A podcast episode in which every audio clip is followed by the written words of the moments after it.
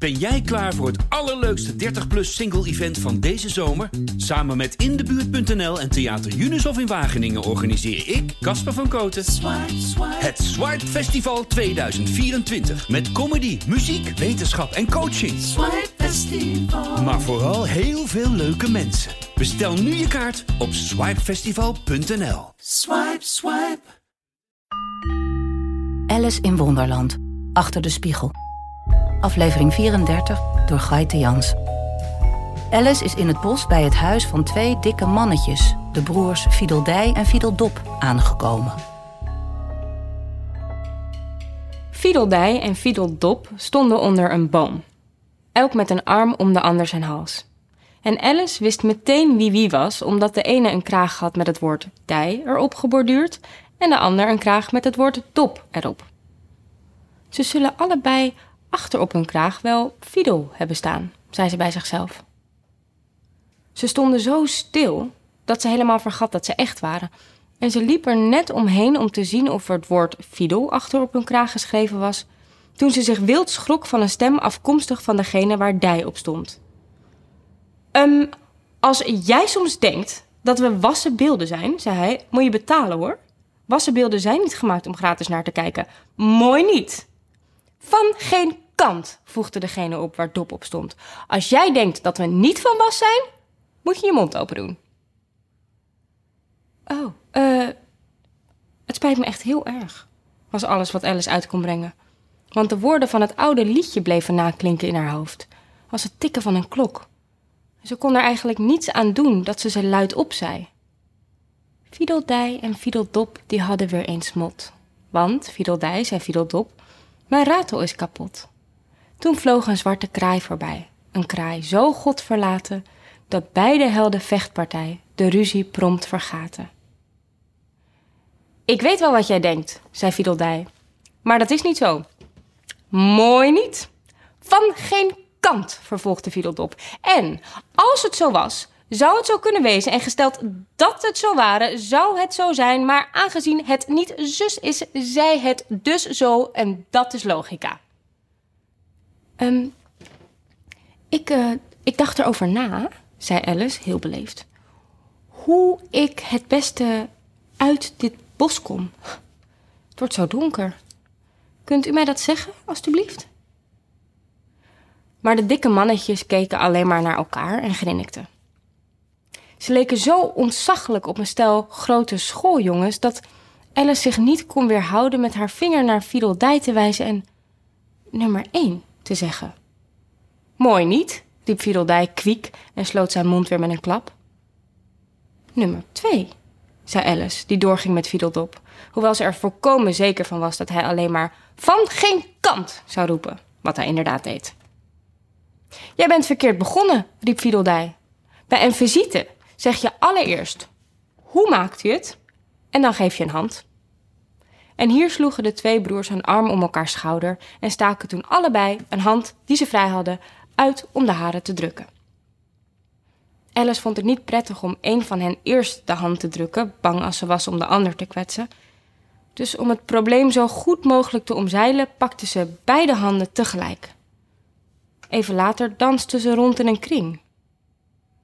Dit leek heel gewoon, zoals ze naderhand zich het herinnerde. En het verbaasde haar niet eens dat ze muziek hoorde. Die leek afkomstig uit de boom waaronder ze danste en werd gemaakt, zo leek het haar, doordat takken tegen elkaar wreven, zoals fiedels en fiedelstokken. Maar het was echt heel leuk, zei Alice naderhand toen ze haar zus het hele verhaal vertelde, mezelf te horen zingen. Hij was in de mei zo blij. Ik weet niet meer wanneer ik ermee begonnen ben, maar op de een of andere manier had ik het gevoel dat ik het al een hele poos gezongen had. De andere twee dansers waren dik en heel gauw buiten adem. Vier keer rond is genoeg voor één dans, hijgde Fiedeldij. En ze staakten het dansen even plotseling als ze ermee begonnen waren. De muziek stopte op hetzelfde moment. Toen lieten ze Alice handen los en stonden even naar haar te kijken. Er viel een nogal ongemakkelijke stilte, omdat Alice niet wist hoe ze een gesprek moest beginnen met mensen met wie ze zojuist gedanst had. Om nu, hoe maakt u het te zeggen, was natuurlijk fout, zei ze bij zichzelf. Dat hebben we toch wel achter de rug, lijkt mij. Um, ik hoop dat u niet al te moe bent, zei ze tenslotte. Mooi niet. En wat vreselijk aardig van je dat je het vraagt, zei Fiedeldij. Zeer bedankt, voegde Fiedeldop toe. Hou je van gedichten? Ja, uh, best wel. Sommige gedichten, zei Alice aarzelend. Maar zou je me misschien nu willen vertellen um, welke weg het bos uitgaat? Wat zal ik voor haar opzeggen? zei Fiedeldop, terwijl hij met grote, ernstige ogen opzij keek naar Fiedeldij en geen acht sloeg op Alice's vraag. De walrus en de timmerman is het langst, antwoordde Fiedeldij, terwijl hij zijn broer liefhebbend vastklemde. Fiedeldop begon meteen.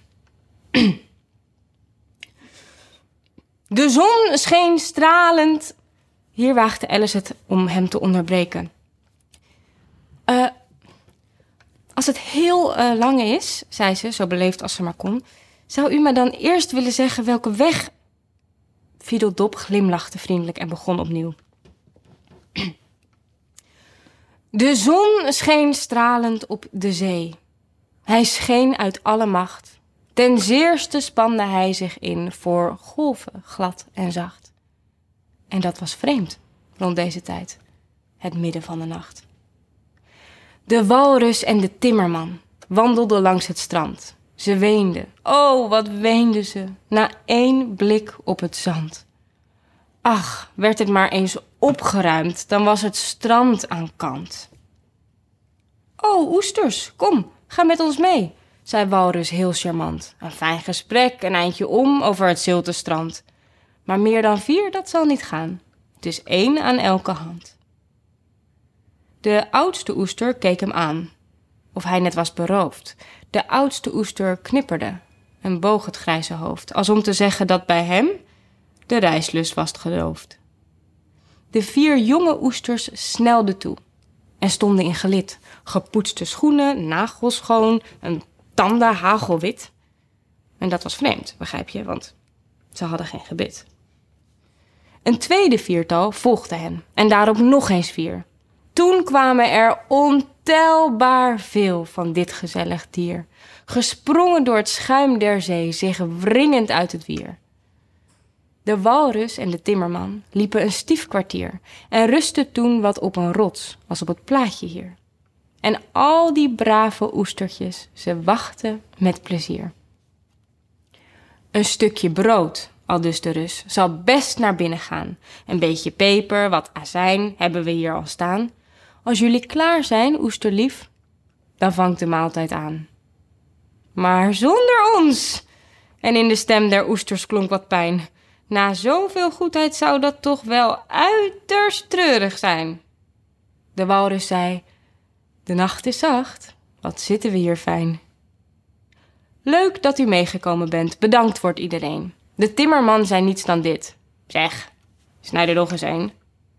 Ach, nam mij maar wat minder zelf, dan at ik nu voor twee. De walrus zei: Het is schandelijk wat wij hebben geflikt. Hen laten lopen hier naartoe, op naar hun laatste snik. De timmerman zei niets dan dit: Die boter, lekker dik. De walrus zei: Ik voel verdriet. En kreeg het toen te kwaad. Als snikkend sorteerde hij de schelpen op formaat en met zijn zakdoek droogde hij zijn overstroomd gelaat. Zeg, oesters, zei de timmerman. Kom aan, weer op de been. Zouden we niet eens huiswaarts gaan? Maar antwoord kwam er geen. Wat nauwelijks verbazen kon, want op was iedereen. De volgende aflevering wordt gelezen door Hadewig Mines. Alice in Wonderland is een podcast van Internationaal Theater Amsterdam, Het Parool en Stepping Stone Producties. Vertaling Nicolaas Matsier, uitgeverij Meulenhof Boekerij.